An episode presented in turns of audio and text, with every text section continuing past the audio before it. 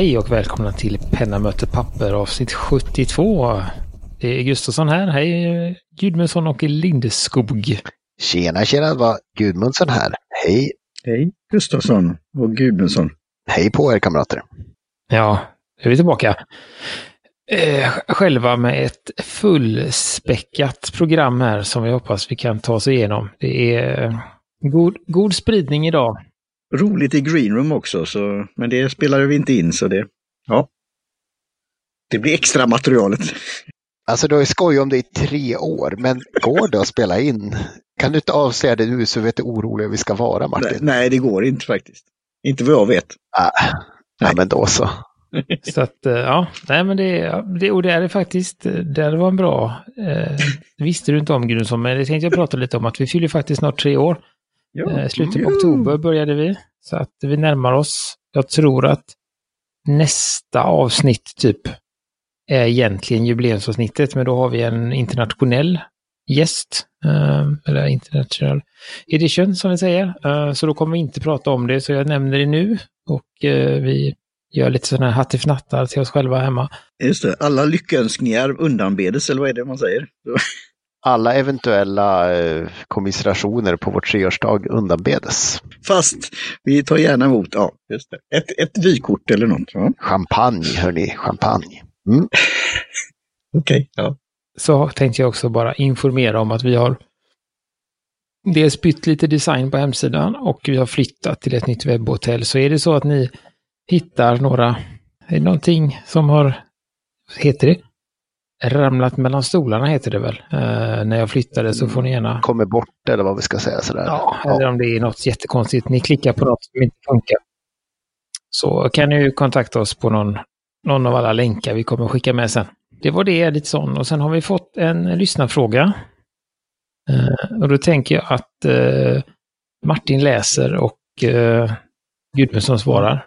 Det låter som en bra ordning. Lyssnarfråga här. Hej! Jag är så glad att ha funnit er trevliga podd och vänder mig nu till er med en fråga. Jag har tappat bort mina två Sailor EF. Om jag ska skaffa en Platinum 3, vad står det? 3776.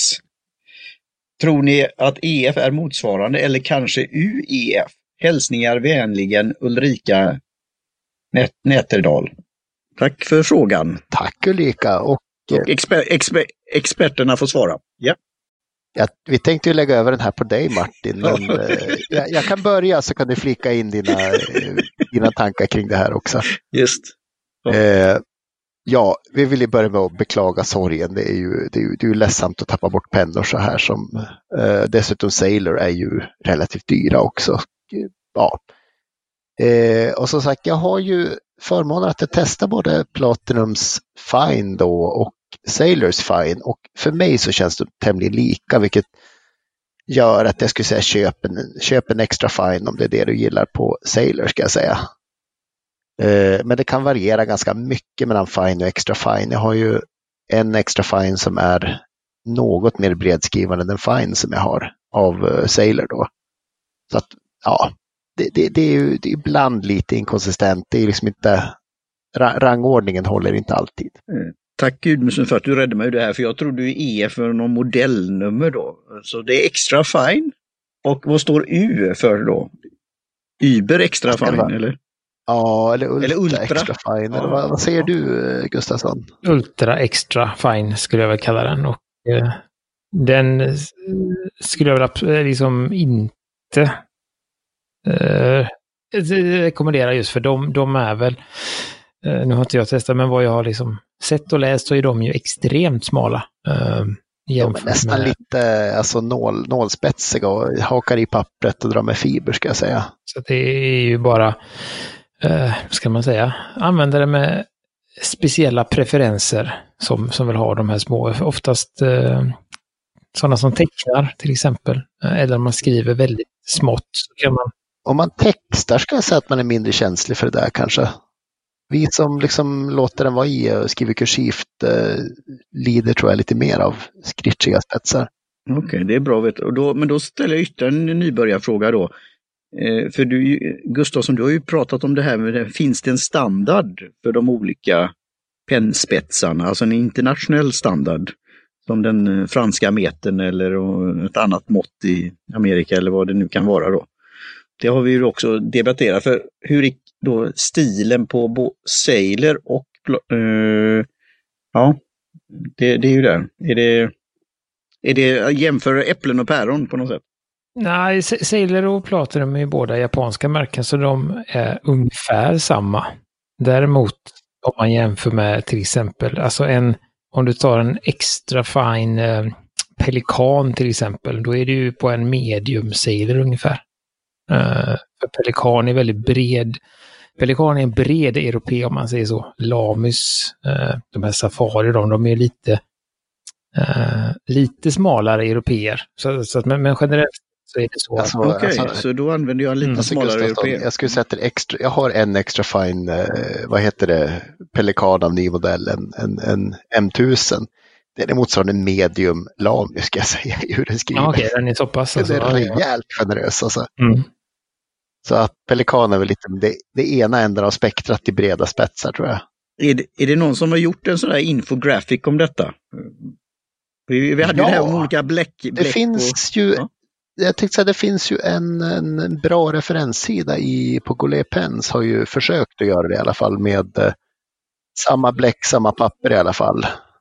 Och så har de skannat in det. Den, eh, den kan vi länka, länka till Nibnook, men det är... Ja. Det är ju den pennan och den, eh, det exemplaret får man ju, får man ju tänka. Ja, men, men som sagt, det finns ju om man ska försöka ha någon form av liksom rikt, äh, enkla riktlinjer så är det så att den, om du gillar en, en europeisk, om du till exempel har en Lamy och gillar Fine och sen vill du köpa en japansk penna som en pilot eller en eh, Sailor eller en Platinum, då bör du gå upp ett steg så till, ett, till en medium för att få motsvarande bredd på det då.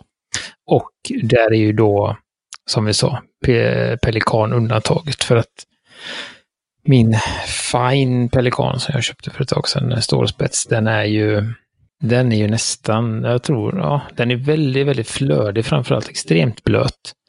Uh, och någonstans eh, likvärdig med min eh, LX medium. Så att den, den, är ju undantaget från regeln. Men, men det, är den, det är den generella regeln, att japanska spetsar är ofta lite smalare. Nu eh, försöker jag väl att förklara det och kanske alienerar hälften av våra japansktalande lyssnare. Men det är för att japanska bokstäver gärna ser ut som liksom en stege med elva pinnar liksom upp. Så att man, man, man har liksom behov av att vara lite, vad ska jag säga, mer detaljerad ska jag misstänka. Ja, men det är absolut så. Det eh, är en annan penna vi inte har pratat om än, men den här, vi har ju fått, um, vad heter den, 03 eh, USAP Uh, som är väldigt smal. Uh, men den är mysig och jag använde den lite när jag skrev, när jag övade på japanska. Och då, är den, då förstår jag att man liksom ska... Nu gör jag ganska stora tecken i min, när jag gjorde det då, för att jag skulle liksom förstå dem. Men jag tänker om man kan japanska och skriver så förstår jag syftet med en smal spets. Just för att det är väldigt mycket tecken och krusiduller som ska in på en begränsad plats. Och det är... Uh, så, så att det är håller jag med i Gudmundsson att de har ju mer komplexa tecken än vad vi har. I sitt skriftspråk. Sen har de ju, både i Kina och Japan har de ju faktiskt skrivstil. Vilket är väldigt... Eh... Alltså typ en kursiv bunden skrivstil till och med eller? Nej, utan det är mer sådär, nu, nu är det väl som jag, det jag har sett, oftast när de gör sån här, eh, vad heter de nu då? Mac E, eh, liksom teckningar och sånt. Eh, eh, ah, det är en speciell typ av, av alltså det är bläck, bläckteckning tror jag det är översatt. Då. då har de ju en pensel som de doppar i bläck och så gör de något så här då handlar det mycket om den här liksom, äh, säga, komma in i en viss stämning, den här scenstämningen och vara ett och göra så egentligen. Man ska egentligen bara göra de viktigaste strecken och då brukar man ibland lägga på någon liten man skriver någon sån där liten text och då finns det något som heter kursiv. Och det ser egentligen ut som, det är liksom inte sammanbundet men det är lite, lite lösare, lite ska man säga. Eh, lite slappare skrivet och lite enklare tecken. Mm. Så, så att det är säkert någon av lyssnarna som har bättre koll än mig på det, men jag blev väldigt förvånad att det fanns kursiv med eh, deras tecken då. Mm. Så, att, eh, ja. Och eh, den här frågan fick vi väl på Facebook. Mm, jag tror det var det Facebook för någon, någon vecka sedan. Ja, och det funkar fint och har ni andra frågor så kan ni göra som tidigare och skicka till frågelådan eller ni kan skicka på Instagram eller vad som helst. Så vi, vi, vi fångar upp dem. Jättebra, tack för frågan. Mm. Flaskposten vittjas nere i Turadalshamnen var eh, fjärde vecka. Så passa på då. Mm. Så, och då är det dags för eh, en sponsor igen. Och nu har vi en ny sponsor denna veckan och det är Pilot Nordic. Apropå eh, japanska pennor då, så är helt enkelt en eh, nordisk avdelning av Pilots eh, pennor. Eh, helt enkelt. Och eh, vi ska prata lite, eller nämna lite om deras eh, de har ju börjat med ett sortiment som heter Be Green, som egentligen är eh, deras vanliga pennor, men de har gjort dem mer miljövänliga. De har gjort det så att de är minst 70% återvunnet material.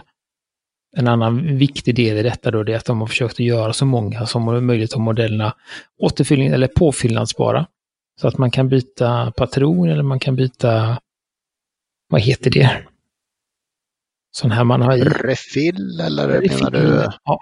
ja.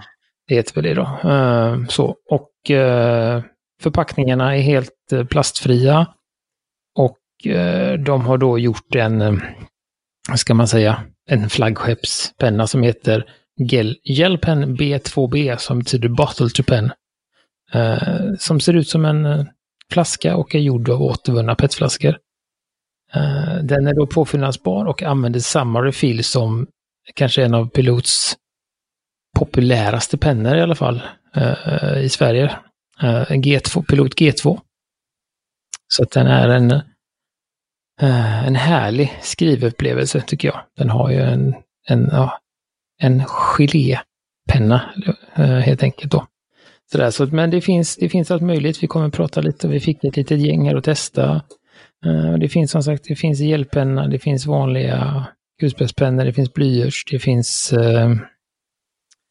allt möjligt. Sådär, så att eh, nästa gång ni ska köpa en pilotpenna, eller en penna generellt, så kolla gärna in eh, Big Green-sortimentet. Det är samma priser i stort sett och eh, så, så att det är ingen, inga konstigheter utan det är lika bra att satsa på det istället. Ja. Nej, när jag sökte på det eh, som en tidigare sponsor då så hittade jag annonser och, och så här i sökresultaten från Penstore, deras sortiment. Så det är som du sa, det ligger runt 20-25 kronor.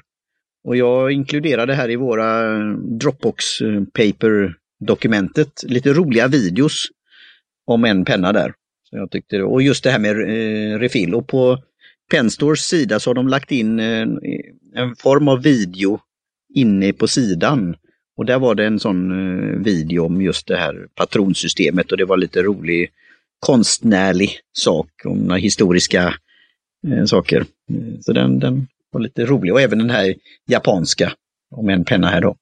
Deras cartridge-system. Så det, och sen är det ju då det, det, eh, det har vi pratat lite om, jag kommer tänka på det när vi pratade med Björn Arebom här.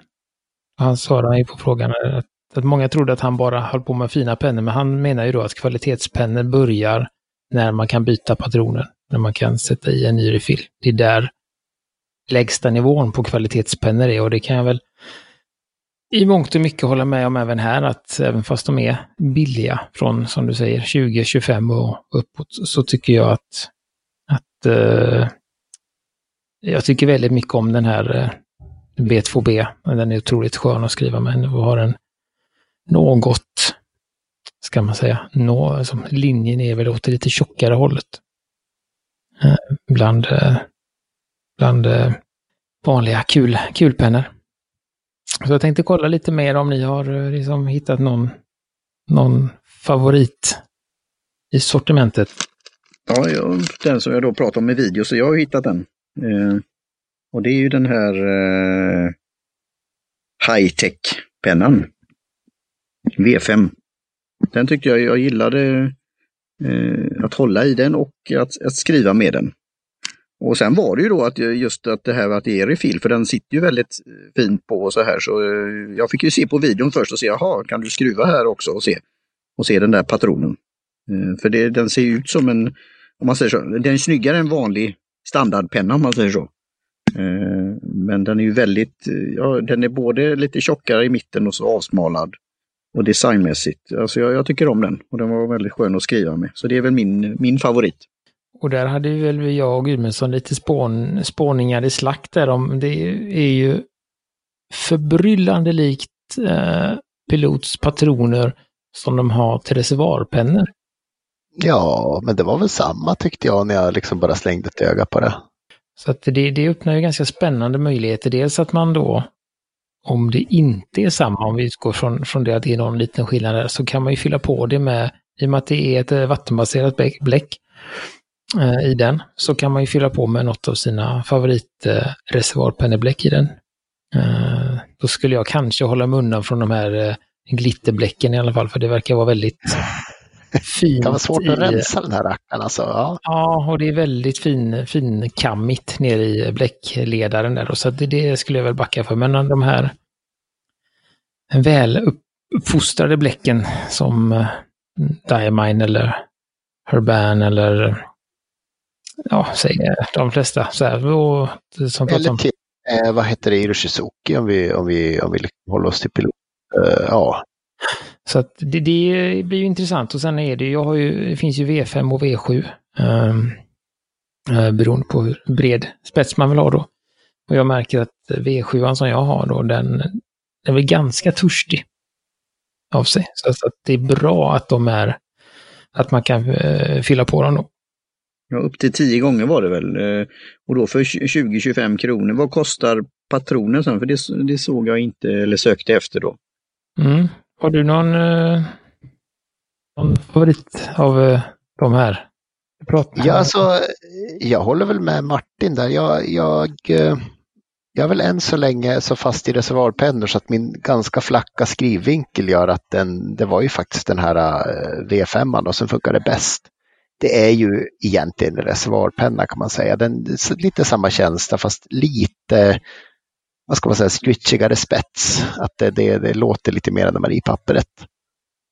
Eh, och som sagt, jag tyckte den var förvånansvärt alltså, glidig i skrivandet. Det är att det, det är liksom vatt, vattenbaserat bläck som gör att det, det är ganska mycket bläck. Eh, sen alltså jämför man för, för mycket skrivande, det är ju inte vattenfast bläck väl vad jag har testat i alla fall så kan det ju funka bättre med deras kula som jag tyckte var rätt trevlig också. Som heter så mycket som, vi jag har den ju här, Acroball. Ja.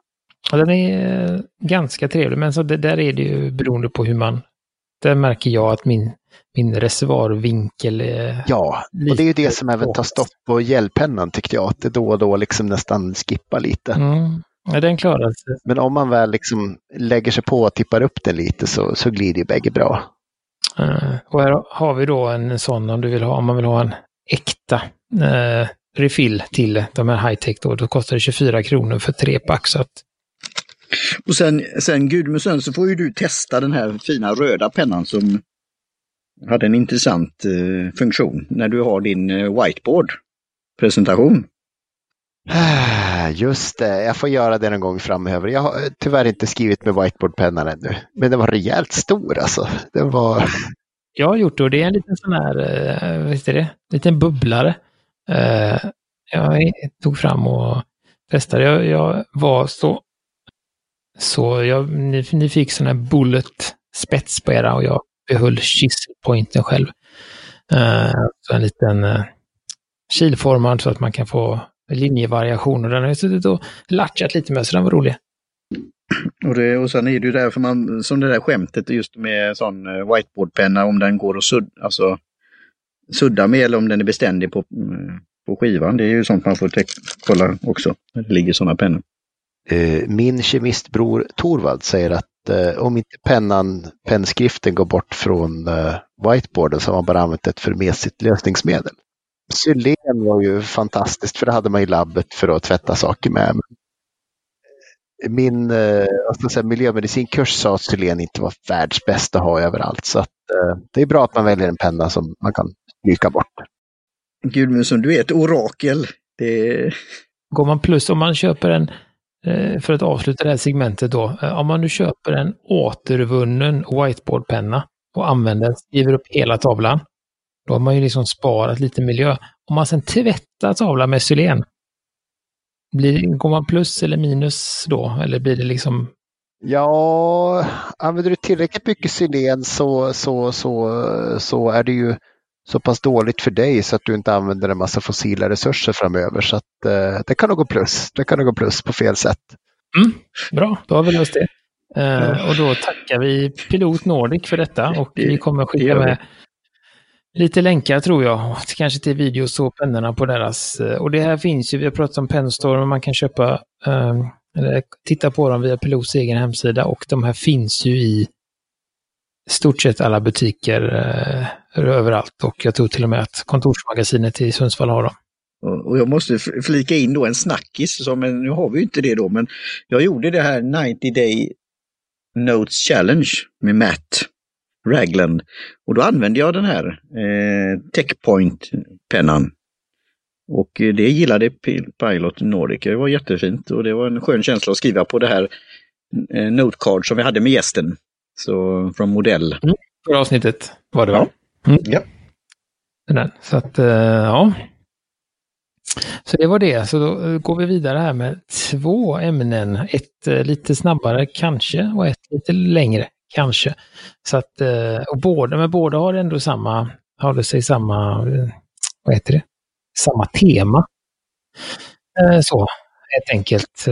Så att Gudmundsson, du kan väl börja med din, ditt, ditt ämne som att du har ett eget. Nej, men det kan du, vill du prata om. Alltså, det var du som avkrävde mig på ett ämne för det här liksom, programmet. Och eh, jag vet inte varför, men, men på något sätt så tänkte jag att ah, men, nu är det gult ute, nu är det löv, så snart är vintern här. Och, och då blir det ju frost så att allting som man har i brevlådan utanför mitt hus i alla fall fryser ju. För att post, postgubben kommer runt 12 och du kommer hem runt 4 och, och, och då vill det sig illa så fryser dina bläck sönder. Så att eh, tidigare år har jag faktiskt varit lite försiktig med att köpa bläck under det kalla halvåret. Just därför. Och eh, det är väl så också att även om det är liksom varmt i brevlådan så är det ju ändå kallt på vägen. Så det finns ju många liksom... Eh, det finns ju ändå en risk att det fryser till eller så på vägen. Eh. Mm. Så, du, så du bunkrar upp på de varma månaderna då, Gudmundsson? Just det, fast eh, titta nu, jag tror jag har så pass mycket så jag klarar mig till, eh, till april 2096 nu. Så att eh, det klarar sig. Det klarar sig. Så, men det är, det är väl bra att påminna om det, absolut. Att det är så. Och sen kan man väl dra lite, har du några, eh, ska man säga, har du tre bläck hemma som du som absolut inte får ta slut innan våren? Du, bra, bra, vad heter det, jag har ju Diamond Steel Blue hemma så jag klarar mig. Mm. Oh, jag har ju Lami Svart hemma så jag klarar mig och jag har ju, eh, vad heter den här fantastiska Amazing Amethyst från Diamond också. Den snöar jag precis in på. Det är det bästa purpurbläcket som, som, som jag har stött på tror jag. Så de tre har jag så jag klarar mig. Men jag kanske måste fylla på dem nästa år redan. För det är de som går mest. Mm. Nej, och jag sitter, jag har ju fortfarande inte så här, men jag, eh, jag är ju väldigt sugen på eh, nu när, när det börjar ta slut så tänker jag tillbaka lite på alla jag har provat så. Och då är ju det är ett bläck som jag inte hittar längre som var en favorit. Eh, från, så det kan väl se om någon vet, eller ser om det finns. Eh, Robert Oysters eh, Blue Denim, tror jag den hette. Eh, den har hittat inte jag längre, de har tagit bort den. Jag hittar ingen liknande. Det är liksom en sån här härlig... Eh, eh, vad ska man säga? Mörkt teal. Alltså lite mörkare än din Diamond Steel. men jag hittar inte så den, den vet jag, den kanske lite mer åt det blå hållet. Så den hittar jag inte. Men sen är jag ju också väldigt sugen på Watermans Mysterious Blue. Den, den blev tidigt en favorit. uh, men jag har inte fyllt på än för jag har haft massa annat. Så att uh, den, den ligger väl på min lista om jag skulle beställa något innan, innan frosten här. Och Martin, du har väl eh, preppat upp med dina patroner? Ja, just det. Jag gjorde ju det när, på Penstore när jag tog de här den Lami AL och med brons. Den gillar jag väldigt skarpt. Det var ju en i där och jag köpte ett paket med bläck så den kommer nog räcka ett tag. Så det är trevligt. Mm. Och sen får jag lite nu när vi prat, pratar om det här, det var ju den här fina illustrationen på tal om överblickar med den här grafiska saken om alla bläck där ute i världen. Som du tog fram Gustavsson. Det var väldigt gediget arbete. Så där finns ju att titta på om, man, om det är något man är sugen på och vill efterforska. Det finns ju en del. Mm. Och, och, när vi ändå pratar om bläck så, så kan vi gå vidare på nästa. Det är ju oktober.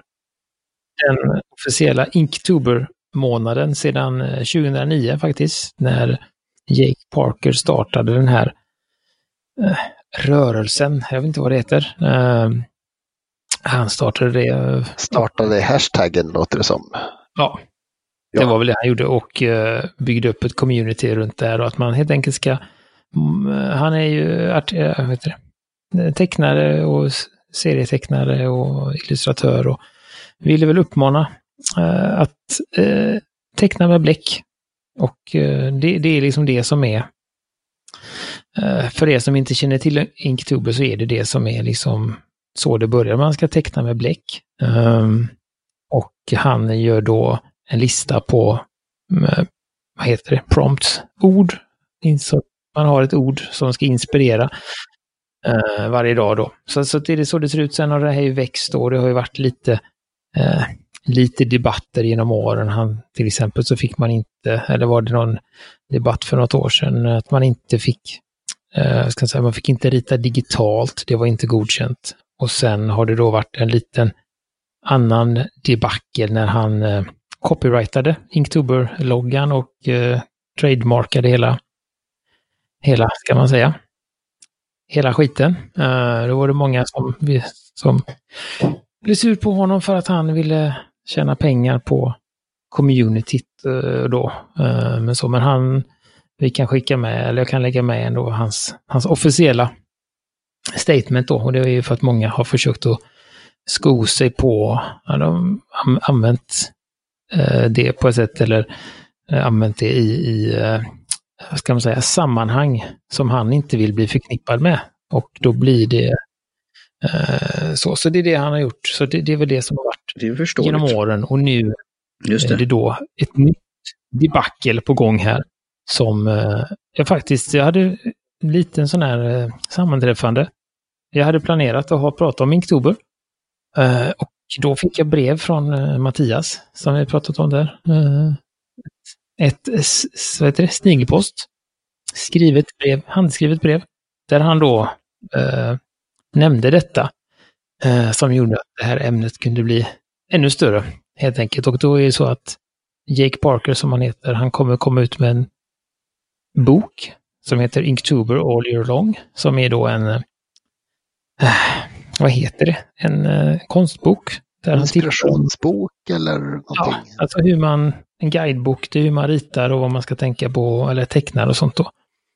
Uh, men den är till, för tillfället stoppad på grund av att en annan konstnär som heter Alfonso Dan har anklagat honom för plagiat. Så det är den senaste som händer här i, i Inktober eh, eh, då. Så det är väldigt många i år då som har valt att bojkotta Inktober på grund av detta då. Eh, och det är väldigt många som har valt att gå åt andra hållet och stötta honom extra då, så det är lite sådär. Men i alla fall internet har vaknat igen angående detta. Så det är väl det som är där då. Så att eh, jag vet inte om vi ska släppa in er lite innan. Ja. Nu, får, får jag göra den här då, eller vad nu ska säga, för jag gillar Gustavsson ditt arbete med förberedelse för, för avsnitten och när du skickade på Slack här, här, kolla in det här dramat och så tack för ytterligare uppgift. Då tänkte jag, men det är väl lite roliga videos eller något annat och sen, ja, jag har nästan tittat på allt. Och så började jag titta på Alfonso och blev ledsen när jag såg det, för jag har ju också då publicerat en bok, eh, inte alls så eh, stor omfång som han har gjort på ett sätt. Fast det är ju mitt arbete om te och fina illustrationer som jag då hade commission till konstnären John Cox. Så jag kan för, verkligen förstå vad han menar. Sen kan jag då personligen då förbrut mig lite säga att det är ingen som kan då plagiera eller kopiera den boken jag har gjort, om man säger så. För den är väldigt speciell. Fast jag vet ju John Cox och även då Alan Forkum som då har gjort böcker om editorial cartoons. Där folk har tagit mer eller mindre deras teckningar och, och suddat ut liksom alla referenser. Och det är väl lite det Alfonso pratar om då, att ge cred, alltså om du har blivit inspirerad eller lånat. För det var ju det som Jack Parker har gjort på sitt Instagram, då hade han tagit och titta vilken fin bok och alltså lagt upp och även det är ju något man bör kanske fråga om innan och sånt där. Och sen kan ju det vara jättekul om någon, ja, jag har köpt den här boken och visar, då blir man glad. Så, så jag började att signa upp mig för Ink för den låg ju först på det här dokumentet. Och sen började jag se den här videon och jag hade gjort det första eh, Ink som var, skulle vara om radio, var det ju dagens datum. För jag kommer nog inte göra varje dag och då fanns det en eh, prompt på det varje vecka. Då skulle man ta ett visst datum och då var det Fish den eh, jag gjorde då. Men när jag började se videon så blev jag, ska jag, ja, ska jag stödja det här eller inte? Eller, ja, så jag blev lite så. Och så jag tittade, började se på videon och sen såg jag den andra som hon, Hanna Studio, jag tyckte den var bra eh, och intressant. Och sen framförallt den sista här eh, på, hette han Kish från Indien. Och som individualist, jag, jag gillade hans eh, sätt att se på det hela. Men jag är lite konfunderad och förbryllad och jag har gjort första då skissen. Och jag blir ju nyfiken att både då köpa eh, i framtiden eh, Alfonsos bok och eh, eh, den här kursen som Kish hade och titta vidare på hon eh, Hanna Studio. Så det var ju intressant i sig. Men jag blev både lite ledsen, lite förbryllad och så hade jag gjort den där teckningen och så tänkte jag, ska jag posta den här? Så jag vill ha gärna lite råd av er som har varit kanske med i den här Inktober tidigare och så. Mm. Antingen gör du det och så får du kritik för det, så gör du det inte och så får du kritik för det. Ja, för nu har jag ju sagt det här. Ja. Jo, men det, ja, för mig är det filosofiskt alltså, så jag håller med då framförallt Kish på slutet där. Ja, så det, är, det, är, det är ett dilemma värdig Kierkegaard. Liksom. Men jag vill inte stö om det skulle visa sig att han har plagierat så skulle, vill jag inte vara med i alltså en sån, även om det inte är hans, om man säger så. Men det är hans för han har gjort trademark på det nu. Kan ju liksom tillägga då att, att jag är inte, han har gjort det på Instagram någonstans, Jake Parker, som jag inte har tagit med. Jag kan leta upp det, där han då, eh, ska man säga, offentligt har gått ut och förnekat plagiatet. Uh, att han har inte gjort det då. Så att det är det han har uh, där. Uh, ja, så det är bara så. Så att fortsätt nu Gudmundsson. Eh, ja, jag känner inte, jag känner inte, jag, jag, jag, kände mer att det var plats för Kierkegaard där, men, men det, det kanske kom lite, lite obett så att säga. Men alltså, e egentligen, det är klart man ska inte köpa en bok som är liksom, alltså ett plagiat, för då är det ju någon som eh, tjuvat någons arbete så. Sen är det ju lite med alltså, uppmärksamhetsekonomi där man tjänar väl typ Youtube-reklam eller vad, vad tjänar man pengar på om folk gör som man säger i, i dagens samhälle? Finns det slack, eller vad heter det, reklam på Instagram man får ta del av om man har liksom en populär sida eller så? Nej, nej utan det, det är ju man, eh, man tjänar väl, alltså Uh, man tjänar väl på, alltså på Youtube så tjänar man ju någon form av pengar på, på reklam. Där behöver man ju ha extrema mängder följare för att det ska bli något. Uh, men sen så tjänar man ju alltid, jag menar, har du, uh, har du vad det nu är, 500 000 följare så, så är det klart att någon helt plötsligt råkar köpa någonting man har gjort. Eller, alltså det är lättare att, att sälja sitt varumärke om man har många följare.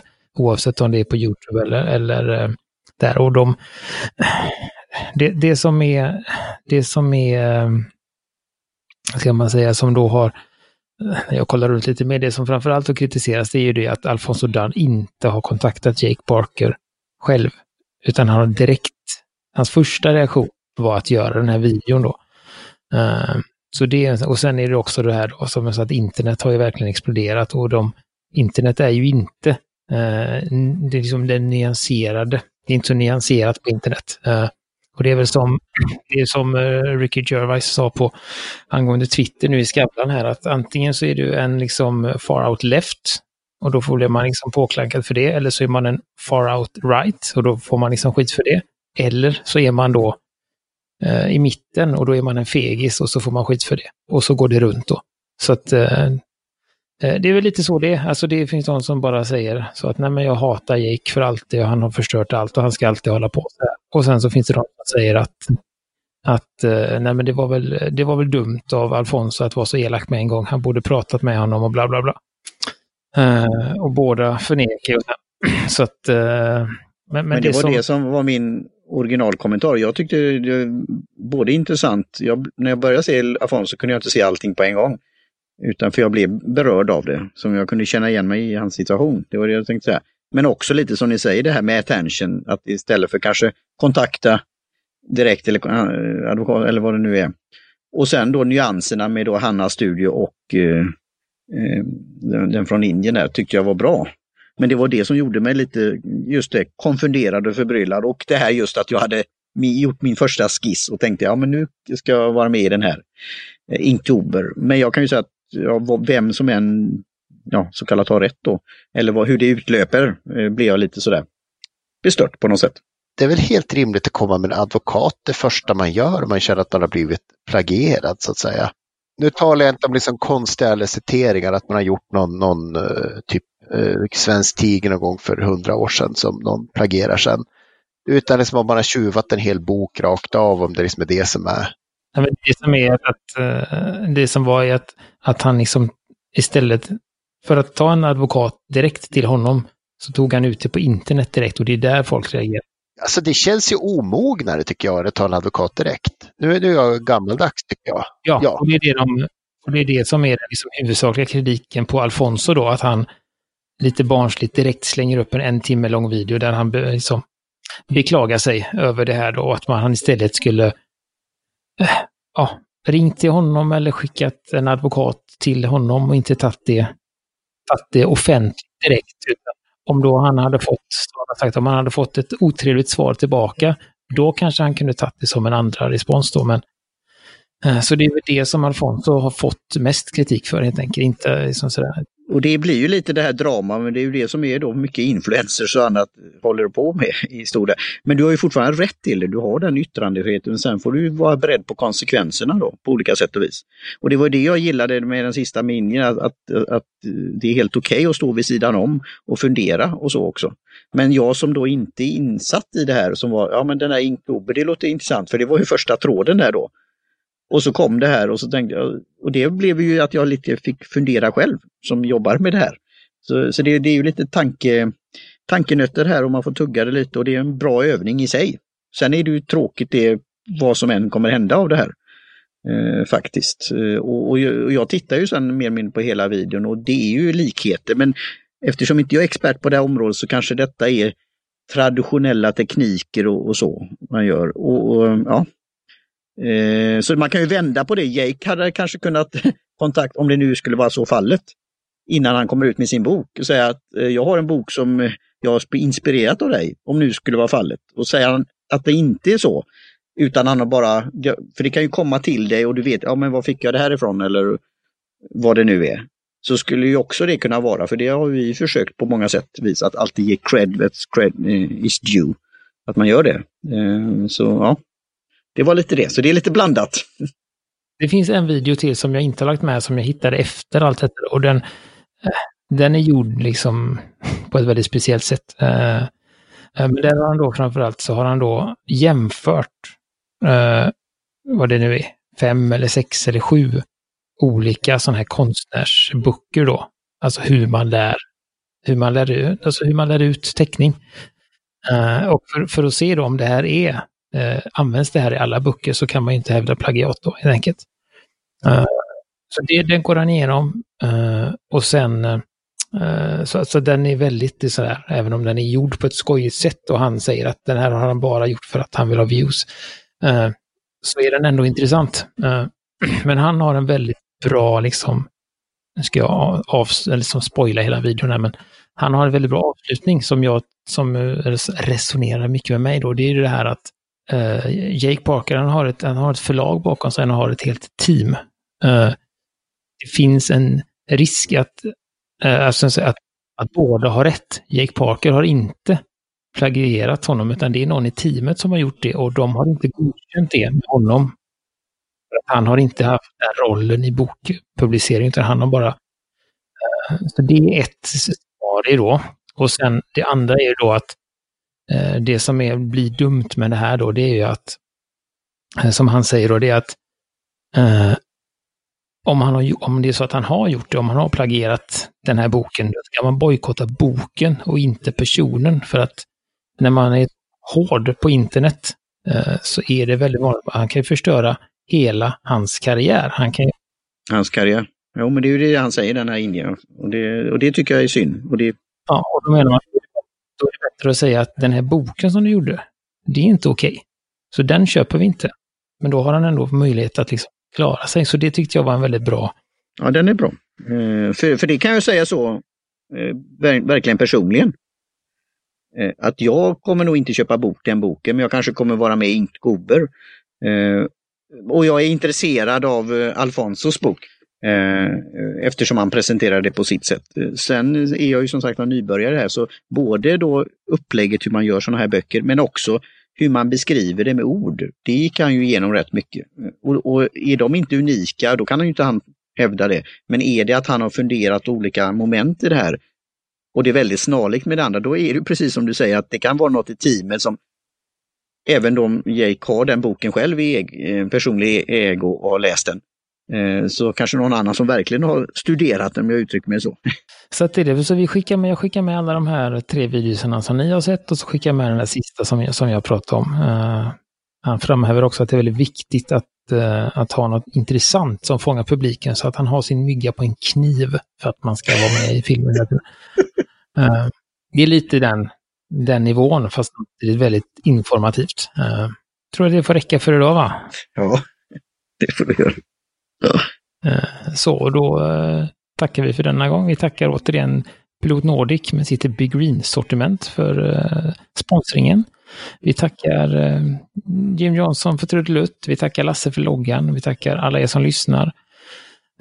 Så slänger vi med lite lite länkar i show notes. De finns i poddspelaren oftast, eller så finns de på vår hemsida, vår nya hemsida, pennamotorpapper.com. Helt enkelt. Säger vi så tills nästa gång. Det gör vi. Tack så mycket. Tack själv. Tack.